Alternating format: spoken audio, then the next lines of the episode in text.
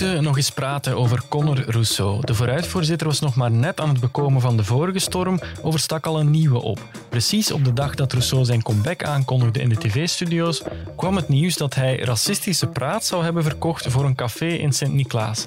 Zelf beweerde hij dat hij zich niet herinnerde iets verkeerd te hebben gezegd, maar via de rechter liet hij de pers wel verbieden om te citeren uit het PV. Wat is daar allemaal gebeurd? En heeft Conor Rousseau het volledig aan zichzelf te danken dat hij van de ene storm in de andere belandt? Of is er toch meer aan de hand? We vragen het aan politiek journalist Stavros Kelipouris en aan reputatiecoach Jeroen Wild. Mijn naam is Dries Vermeulen. Dit is Duidelijk. Duidelijk, de morgen. Ik zeg u, ik heb dat nieuws met die beschuldigingen vernomen in de pers. En de dingen die mij hier weer ten laste worden gelegd, daar ben ik wel door verbaasd omdat mensen die mij kennen, die sturen al van, allee, wat is het nou weer? Politiek Katrien. Dag meneer Rousseau. Ja, ik denk twee grote dingen. Uh, in de eerste plaats dat woordje censuur, hè. Dat is nu een paar keer gevallen. En dat is toch iets waar we liever redelijk ver van weg blijven. Uh, net zoals van racisme trouwens. Connor zal ja. uitleg geven zodra hij zelf ook de informatie geeft. Blijft u de voorzitter steunen? Ja, uiteraard. dat is een rare vraag. Het zou toch raar zijn als 6 miljoen Vlamingen te horen krijgen wat ik nog niet te horen heb gekregen. Dus alles op zijn tijd. Op het moment dat ik geïnformeerd ben, ga ik jullie allemaal op alle vragen antwoorden dat jullie willen. Stavros Kilipouris, politiek journalist bij De Morgen. Welkom. Adries. We moeten het uh, alweer eens, want het is nog niet zo heel lang geleden in deze podcast, we moeten het weer eens hebben over Conor Rousseau, voorzitter van Vooruit. Um, na de hele storm rond uh, de meldingen van grensoverschrijdend gedrag die er geweest is, was hij twee weken geleden, kwam hij terug, stond hij in alle kranten, was hij ook uh, op meerdere zenders te zien in praatprogramma's, om ja, een beetje zijn comeback eigenlijk toch wel hè, aan te kondigen en, en zelf nog eens te praten over wat daar nu precies allemaal is gebeurd. En net op die dag begon er een nieuw stormpje. Ja, het uh, nieuwe stormpje was dat uh, toen uitgerekend op die dag bleek dat Conor Rousseau uh, het onderwerp was van een PV dat opgemaakt was in Sint-Niklaas. Op 1 september waren er grote feesten in Sint-Niklaas mm -hmm. en Conor Rousseau was in enige dronken toestand, zullen we zeggen, uh, ja, naar een café gegaan. Café Het Hemelrijk in Sint-Niklaas. café, ik ben zelf ook van die kanten. Nee. Ik ken het niet, maar ik laat mij vertellen dat het uh, een prima etablissement is waar af en toe twee flikken voor de deur staan. Mm -hmm. Mhm. op die avond. En Conor Rousseau is naar hen gegaan, heeft daar een praatje mee geslagen. En ja, dan, zijn er, uh, dan zouden er volgens het PV een aantal uitspraken gedaan zijn die, uh, die als racistisch zou kunnen opvatten. Uh, dat is wat wij daarover horen. En ja, goed, een socialistische voorzitter die racistische uitspraken doet, toekoer een volksvertegenwoordiger mm -hmm. die racistische uitspraken zou doen, dat, uh, ja, dat is toch niet echt de bedoeling. Nee.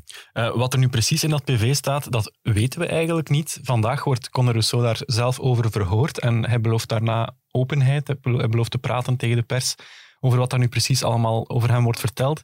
Maar het heeft niet veel gescheeld of we wisten het wel al. Want de New City-collega's, HLN en VTM, wilden het eigenlijk publiceren, de inhoud van het, van het PV, maar dat is niet gebeurd.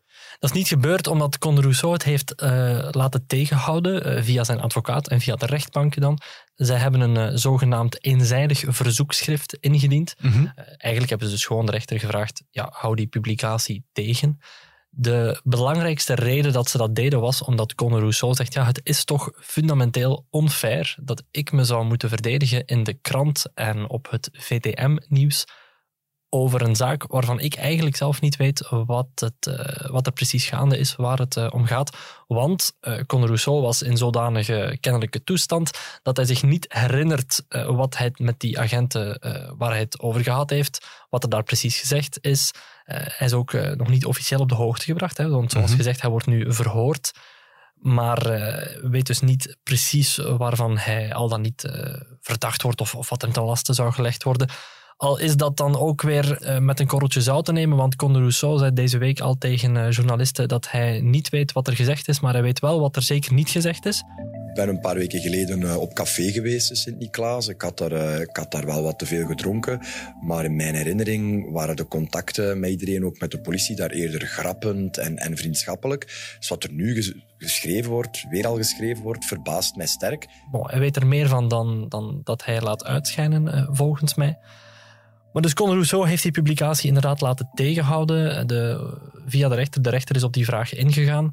Maar deze week wordt dan zo goed als zeker alles, alles duidelijk, want Conor Rousseau zal, uh, heeft beloofd zelf die duidelijkheid te verschaffen. Ja, nu dat publicatieverbod, daarover is ook al veel gezegd en geschreven, onder meer in onze krant hebben experten in de grondwet bijvoorbeeld daar ook al over gezegd, eigenlijk mag dat niet. Een politicus mag niet via eenzijdig verzoekschrift ja, censuur opleggen eigenlijk aan de pers. klopt. Het, uh, het, is zelfs niet zo dat, een, uh, dat, het, dat dat alleen geldt voor een politicus. Dat geldt gewoon in het algemeen. Hè. Uh, als, je, als je de Belgische grondwet bekijkt, daar staat ook niet alleen in censuur is verboden, maar daar staat ook in censuur mag nooit ingevoerd worden. Dus dat is bijna een smeekbede van de, de, de, de, mensen die de grondwet opgesteld hebben van alsjeblieft, verander dit ook nooit. Niet mhm. alleen het mag nu niet, maar doe het alsjeblieft ook nooit. Dus dat is een heel sterke vraag ook naar de toekomst. Uh, dat uh, verbod op censuur is een hele grote pijler van onze samenleving, van onze democratie, van onze staatsinstelling. En ja, specialisten zijn het er wel over eens. Het tegenhouden van een publicatie, nog voor die publicatie er is, dat komt wel neer op censuur. Ja, tegelijk zou je ook wel kunnen zeggen, Rousseau heeft daar misschien wel een beetje een punt. Het is wat vreemd dat een PV dat over hem gaat in de pers zou worden uitgesmeerd voordat hij het zelf heeft mogen zien. Daar ben ik het mee eens. Al, um, ja, heel het verhaal van dat PV is omgeven door een waas van vreemde uh, machinaties. Want ja. Rousseau uh, had uh, gezegd, toen het verhaal over het PV uitkwam, zei hij ik ben hierover heel erg verbaasd, want ik, zoals ik me herinner, was dat een zeer grappend gesprek, heel vriendelijk. Ik weet eigenlijk niet meer wat er gezegd was, want ik was dronken, gaf hij meteen toe. Ik had te veel gedronken.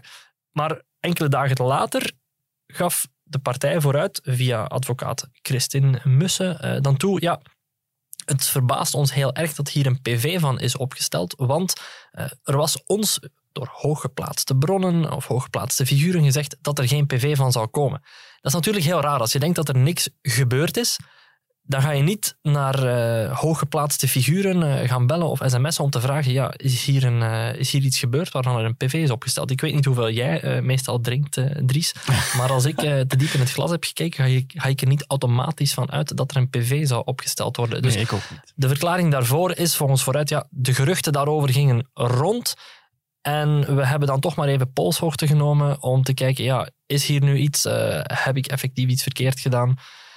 Ja, dat is allemaal een beetje moeilijk om uit te maken hoe dat nu precies uh, gelopen is. Ja, want uh, Christine Mussen, advocaat van Conor Rousseau, heeft zelf ook gezegd dat PV heeft een heel bijzondere weg afgelegd. Dat Klopt. is niet verlopen zoals dat normaal verloopt. Wat we weten, denk ik, is dat het PV pas enkele dagen later is opgesteld na de feiten. Tien of elf dagen later. Als Ik geloof dat er 11 eh, september eh, als datum op staat. Eh, de feiten zoals die in het PV zouden staan, zijn gebeurd in de nacht van 1 op 2 september. Dus dat is meer dan een volle week later dat het PV is opgesteld. Ik hoor daarbij, daarover bij de burgemeester van Sint-Niklaas, Lieve de Handschutter, dat dat niet zo opmerkelijk is. Uh, het is niet uh, omdat er uh, een feit is gebeurd dat dat nu meteen de volgende ochtend om acht uur opgemaakt wordt, dat PV. de politie heeft heel veel administratieve lasten, moet zich met heel veel dingen bezighouden, dat ze een paar dagen wachten om, om, om dat PV uit te tikken en, en officieel te, te, formaliseren, dat is niet zo verwonderlijk, zeggen ze. Goed, dat geloof ik dan wel, al denk ik dat acht, negen, tien dagen, dat is meer dan een paar dagen wachten om iets uit te tikken. Mhm. um, bovendien heeft Conor Rousseau, dat weten we intussen, na uh, de geruchten, en die geruchten kwamen zeer aan opgang, uh, heeft hij dan zelf contact opgenomen met de burgemeester en de korpschef. En die korpschef van Sint-Niklaas zou gezegd hebben van kijk, hier komt geen PV van. Dat er dan toch later een PV van opgemaakt is, vinden ze bij de socialisten heel erg vreemd. En dat begrijp ik ook wel, want ja, ofwel is er iets gebeurd en, en weet je van ja, kijk, hier zou wel iets van kunnen komen. Ofwel is er niks gebeurd, dan zeg je ja, hier komt, hier komt niks van. Maar dat het dan toch verandert naar een situatie waar er toch een PV wordt opgemaakt en dat het dan toch naar het parket gaat om te kijken, ja, moeten we, moeten we hier iets mee met die uitspraken die zijn gebeurd? Je kan er allerlei vreemde dingen bij bedenken, zeker omdat in Sint-Niklaas de burgemeester Scherp wel eens van uh, partij zou kunnen veranderen. De burgemeester is nu Lieve de Handschutter van NVA. Maar Conor Rousseau is een van de populairste politici van Vlaanderen, uh, wil ook uh, bij de lokale verkiezingen opkomen in Sint-Niklaas. De kans bestaat dat vooruit, en Conor Rousseau die scherp daar te pakken krijgen. Dus je kan, als je een beetje van slechte wil bent, en politieke journalisten zijn nu eenmaal vaak van slechte wil, eh, dat eh, besef ik ook wel, nou ja, dan kan je daar wel een scenario in lezen waarbij de burgemeester lucht kreeg van bepaalde uitspraken die zouden gebeurd zijn door Conor Rousseau en dacht, hm, laten we dit even bekijken. Misschien moet er even een PV worden opgemaakt, omdat dat hem wat stemmen zou kunnen kosten. Dat kan, dat kunnen we niet bewijzen. Lieve de Handschutter ontkent dat, voor alle Mhm. duidelijkheid. Ja, zou ik ook doen, als ik lieve dansschutter was. Ja, dat zou, dat zou ik ook doen.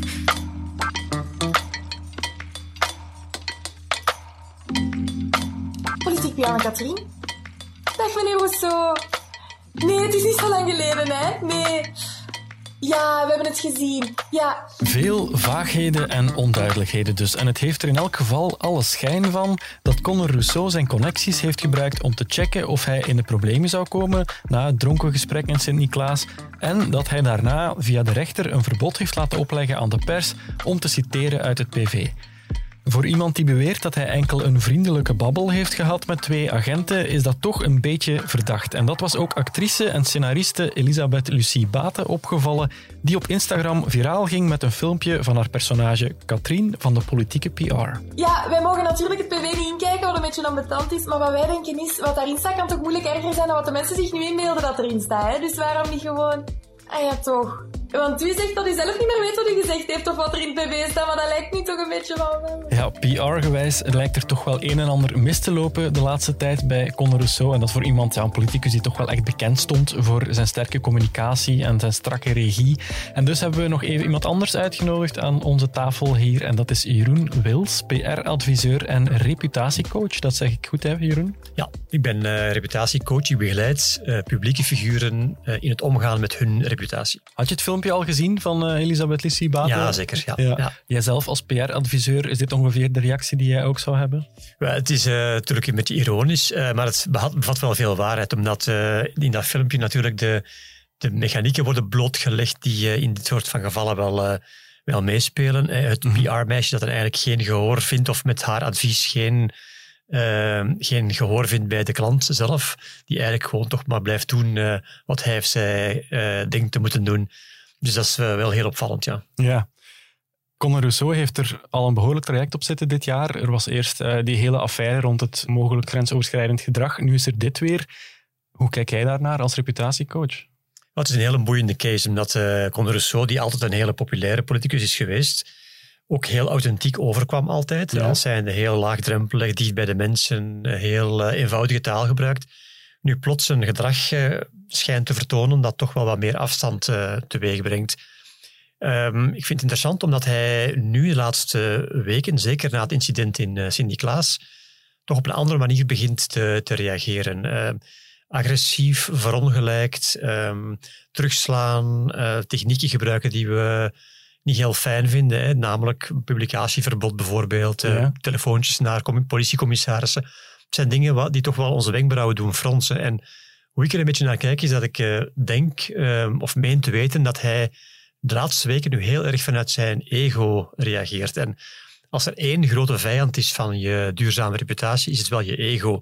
Niet zozeer de fout die je maakt, maar wel hoe dat je erop reageert. En als je heel erg vanuit je ego reageert, dan ga je eigenlijk dit soort van gedrag vertonen. Hè. Je ego is eigenlijk je gedrag dat we als kind hebben aangeleerd om ons te verdedigen. Hè, verongelijkt zijn, terugslaan, agressief worden of weglopen of ja. alles ontkennen. Dat zijn typische kindreacties, die we allemaal hebben trouwens, maar die, we vooral, die vooral naar boven komen als we in het nauw gedreven worden. En al die reacties zijn nu net die reacties die ook Rousseau nu, uh, nu toepast of, of uh, of toont. En dat uh, toont eigenlijk wel aan dat hij zich helemaal niet gerust voelt uh, in, dit, uh, in deze situatie. Nee, dat is een dunne grens. Hè. Um, zijn zelfvertrouwen dat hij altijd, altijd wel heeft uitgestraald, dat was voor een stuk zijn sterkte, denk ik. De, een van de redenen waarom hij zo populair is geworden als politicus. En nu slaat dat, zegt u, dan wat over in ego. Arrogantie wordt hem ook wel eens verweten. Waar ligt die grens? Ja, ik denk dat je zijn gedrag vandaag niet meer kan uh, benoemen als zelfzekerheid of mm -hmm. zelfzeker zijn. Het is inderdaad meer wat, uh, wat vanuit zijn ego. En ik denk dat dat uh, te maken heeft met het feit dat hij zich helemaal niet op zijn gemak niet meer voelt in de situatie waar hij vandaag in zit. Hè. Hij heeft zich ergens gevrongen in een heel ongemakkelijke positie door eerst te ontkennen, door dan uh, niet te willen communiceren, door dan een publicatieverbod te genereren, door dan uh, telefoontjes te doen naar politiecommissarissen. Daarmee gaat hij zichzelf compleet vastrijden en dat voelt hij denk ik zelf ook heel duidelijk aan. Het is heel moeilijk om eenmaal dat je in zo'n tunnel bent, om daaruit te geraken, eruit te stappen. Mm Omdat je dan eigenlijk moet uh, aangeven van kijk, ik was fout met mijn voorgaand gedrag. Hè. Reputatie is niet meer of niet minder dan gedrag. Dat is puur een effect van je eigen gedrag. Imago kan je oppoetsen met communicatie, met marketing, met reclame. Maar reputatie is puur een gevolg van je eigen gedrag. Ja. En al zijn gedragsuitingen van de voorbije weken heeft gemaakt dat hij eigenlijk nu helemaal in, in, een, in een geforceerde positie zit en waar hij heel moeilijk uitgeraakt. Nu, Rousseau staat erom bekend dat hij de regie altijd heel strak in handen houdt. Toen uh, die geruchten over grensoverschrijdend gedrag er waren, kwam hij zelf naar buiten met een filmpje met Erik Koens, waarin hij zijn coming-out deed. Heel strak geregisseerd. Ook na de heisa, onlangs nog, was er dat hele media-offensief. Stond in alle kranten tegelijk. Was op twee televisiezenders tegelijk in zijn proper witte hemd. Doet hij dat allemaal goed tot, tot op dat moment?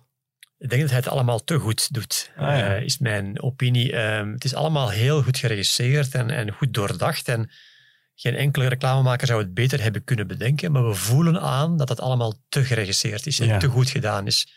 Uh, de reportage van Erik Koens is goed gemaakt, maar geeft ons het gevoel van, het is, we hebben daar zelf geen impact op. We hebben, het is niet authentiek genoeg. We hebben zelf mm. geen vragen kunnen stellen. We hebben niet de echte Conrousseau gezien. Enkel mm. maar een, een gefabriceerd beeld over hem. Zijn mediacampagne van, van vorige week ook weer heel goed geregisseerd. Hij was overal.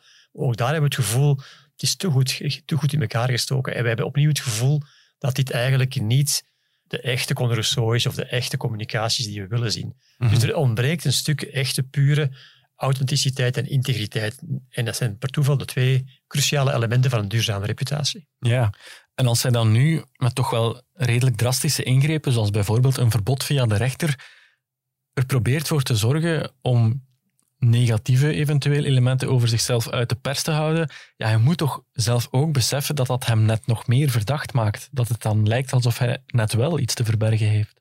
Het een dubbele moraal. Ik denk dat, dat, dat zijn omgeving en hij zelf misschien uh, ook wel hem in de richting stuurt van ja, je moet hier krachtig op reageren, je mocht het niet laten doen, je mag je niet zomaar uh, door het stof laten gaan. En, en die kracht doet hem al die dingen doen. Hè. Publicatieverbod, naar de rechter stappen enzovoort. Maar dat zijn mensen die, denk ik, te dicht bij hem staan en die hem niet voldoende met afstand kunnen, kunnen adviseren. Ik denk dat het in, in zo'n situatie heel belangrijk is dat je je laat adviseren en bijstaan door mensen die wat verder staan, die veel meer uh, ja, die omgevingssensitiviteit aanvoelen, die wij allemaal aanvoelen, van dit, dit klopt niet, dit, dit, voelt niet goed, dit is niet authentiek.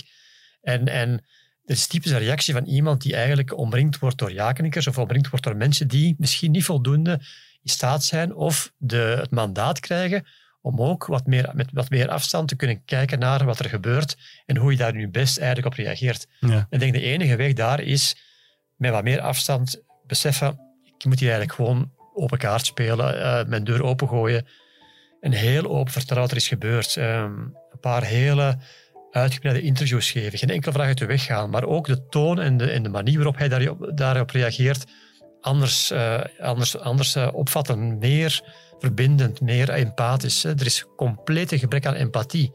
En ook empathie is een van de, de voorwaarden voor goede crisiscommunicatie. Mm Empathie betekent eigenlijk oog hebben voor het gevoel dat wij hebben gekregen over Conde Rousseau. Eigenlijk zeggen, ik begrijp dat mensen zich gekwetst voelen of geschaad voelen in hun vertrouwen door wat ik gedaan heb. Ja. Alleen dat al zeggen, dat uitspreken, geeft bij, bij onze publieke opinie een gevoel van, ah, hij beseft tenminste toch dat hij iets gedaan heeft dat misschien niet helemaal uh, oké was. Maar die verbindende communicatie hebben we vandaag nog niet gezien.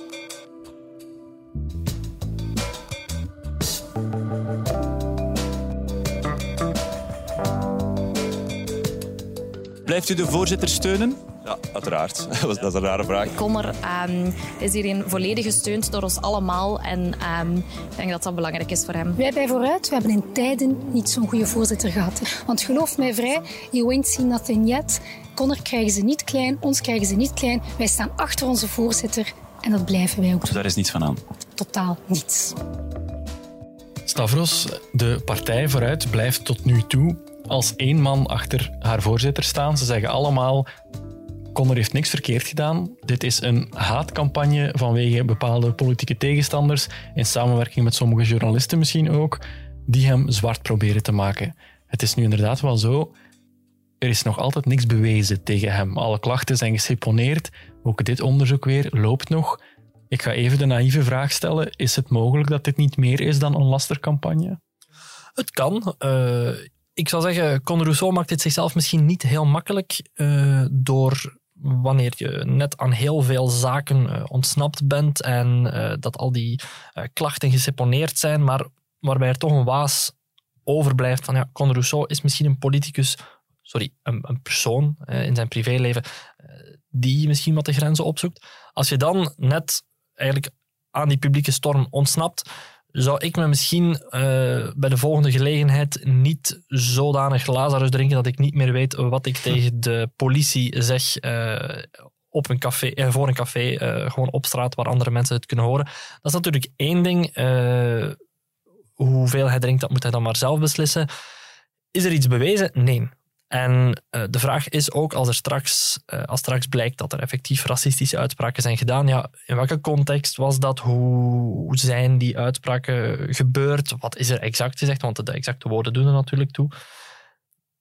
Maar terug naar je opmerking dat heel die partij achter hem blijft staan. Ik, uh, ik zou een onderscheid maken daarbij tussen de mensen die nu actief in de politiek zijn. En Marissa de Prater, Joris van den Broeke, Ben Segers, de, de, de, de actieve vooruitpolitici die nu ook door Con Rousseau eh, mee terug naar voren gestuurd worden. Want die mhm. partij die beleeft al een heropleving in de peilingen. En dan de, de, de, laten we zeggen, de oudere uh, garde, Louis Tobac uh, bijvoorbeeld. Die nieuwe garde die heeft gezien dat vooruit de voorbije jaren ook een beetje kapot werd gemaakt door constante interne twisten. Vooruit was een partij waarbij als het niet goed ging, en het is zeer lang niet goed gegaan met Vooruit of met SPA daarvoor, als het niet goed ging, dan kwamen alle poppetjes naar buiten om hun kritiek op de voorzitter te uiten. Ja. En iedereen heeft gezien, ja, dit werkt niet. Dit, dit kan je niet volhouden. Zo graaf je ook je eigen graf. Want hoe kan je nu een voorzitter serieus nemen als die door zijn eigen partijgenoten voortdurend ondergraafd wordt? Mm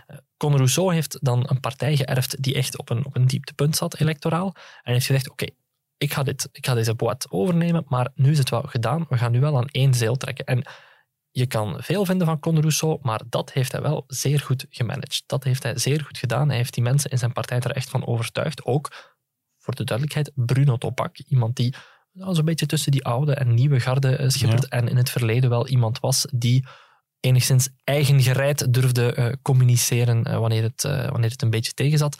Het valt op dat hij dat nu niet doet. Um, al vermoed ik dat wanneer het ooit wel weer slecht gaat met de partij, dat Bruno Topak iemand zou kunnen zijn die snel opnieuw zijn, zijn mening daarover komt geven in de pers. dat is dus die, die nieuwe garde. Die oude garde, ja, die, die leeft inderdaad een beetje met het gevoel, ja, Con Rousseau wordt hier gepakt en Louis Tobac was dan al snel aan het verwijzen naar de Augusta-affaire. Ja. Ja, die denkt inderdaad dat hij toen ook heel hard gepakt werd en misschien is daar iets van aan. Al weet ik niet of de beste verdediging voor Con Rousseau nu is om te verwijzen naar een affaire waarbij de socialisten toch vooral geassocieerd werden met het aanvaarden van smeergeld. Dat is um, perceptiegewijs denk ik niet dat Con Rousseau heel blij was dat Louis Tobac nu met die verdediging kwam aandragen. Nee, maar bij vooruit wijzen ze er wel op dat die verhalen over grensoverschrijdend gedrag werden verzameld door twee journalisten van de collega's hier in hetzelfde gebouw als wij, New City, die toch wel heel erg bereid leken om daar een verhaal van te brouwen. En nu ook weer dat PV van Sint-Niklaas komt door een lek nu ook weer op diezelfde redacties terecht. Moeten we daaruit afleiden dat hier krachten aan het werk zijn om Conor Rousseau zwart te maken? Uh, nee, dat denk ik niet. Maar bij Vooruit zien ze het alleszins wel zo. Ja. Dat, uh, er was iemand uh, binnen Vooruit die dat deze week ook effectief gewoon zo zei van ja, natuurlijk hebben wij het gevoel dat wij constant gepakt worden door die media. Vergeet ook niet, toen de, de hele perstour van Conor Rousseau, de, de comeback in de media, mhm. zal ik maar zeggen, toen die in de, in de stijger stond, dat ging donderdag twee weken geleden, s'avonds uh, gingen alle kranten een interview brengen en, en zat hij tegelijk in Terzaken en, en Gert Late Night. Mm um, dan was het op die dag ook HLN en eh, VTM Nieuws die dat nieuws brachten uh, van Sint-Niklaas. Dus toen ook werd zijn, zijn, zijn mediacampagne gedwarsboomd opnieuw door diezelfde ja, media. dat is toch opvallend, hè? Dat is opvallend, al moet ik wel zeggen, uh, ik weet dat de mensen van het Nieuwsblad ook uh, op dat uh, verhaal zaten te werken en het ook onge ongeveer gelijktijdig naar buiten gebracht hebben. Ik weet niet of het dan echt eerst het laatste nieuws of het Nieuwsblad was, dat, dat liep een beetje door elkaar. Wil dat zeggen dat zij hem effectief ook probeerden te pakken? Ja, dat denk ik nu niet. Dat zijn gewoon, uh, die redactie van New City is gewoon een, een, zeer grote redactie met zeer veel bronnen uh, binnen justitie, binnen politie.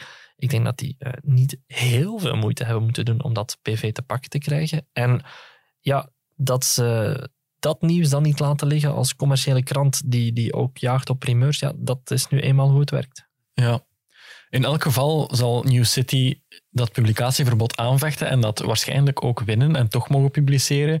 Vandaag is er dan dat verhoor van Rousseau, waarna hij belooft te praten. Gaan we te weten komen wat daar nu eigenlijk gezegd is aan dat café?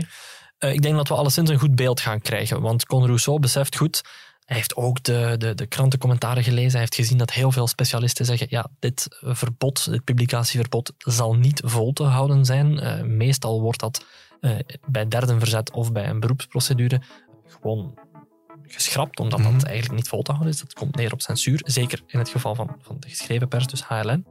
Um, hij weet dus dat als hij zelf niet de uh, regie in handen neemt, zelf niet uitlegt wat er gebeurd is, dat iemand anders het uiteindelijk in zijn plaats zal doen. Want het laatste nieuws en VTM zullen wellicht uh, de zaak winnen, zullen toestemming krijgen om toch te publiceren en dan komt het toch in de ether. Dat zal uh, op vrij korte termijn zijn. Dus als hij nu zelf niet met een persconferentie komt, als hij zelf nu geen duidelijkheid verschaft, dan geven anderen die binnenkort in zijn plaats. En dat is niet iets dat Con Rousseau uh, laat gebeuren. Con Rousseau is iemand die heel graag de controle dicht bij zich houdt, heel graag de touwtjes strak in handen uh, neemt, wat ook voorlopig in de peilingen tot succes leidt voor zijn partij trouwens. Mm -hmm. um, hij gaat niet andere media en zeker niet News City, uh, op wie hij uh, bijzonder kwaad is, hij gaat die niet de kans geven om dat incident voor hem te schetsen. Dan, dan doet hij het liever zelf. Oké, okay, we zullen het vandaag zien.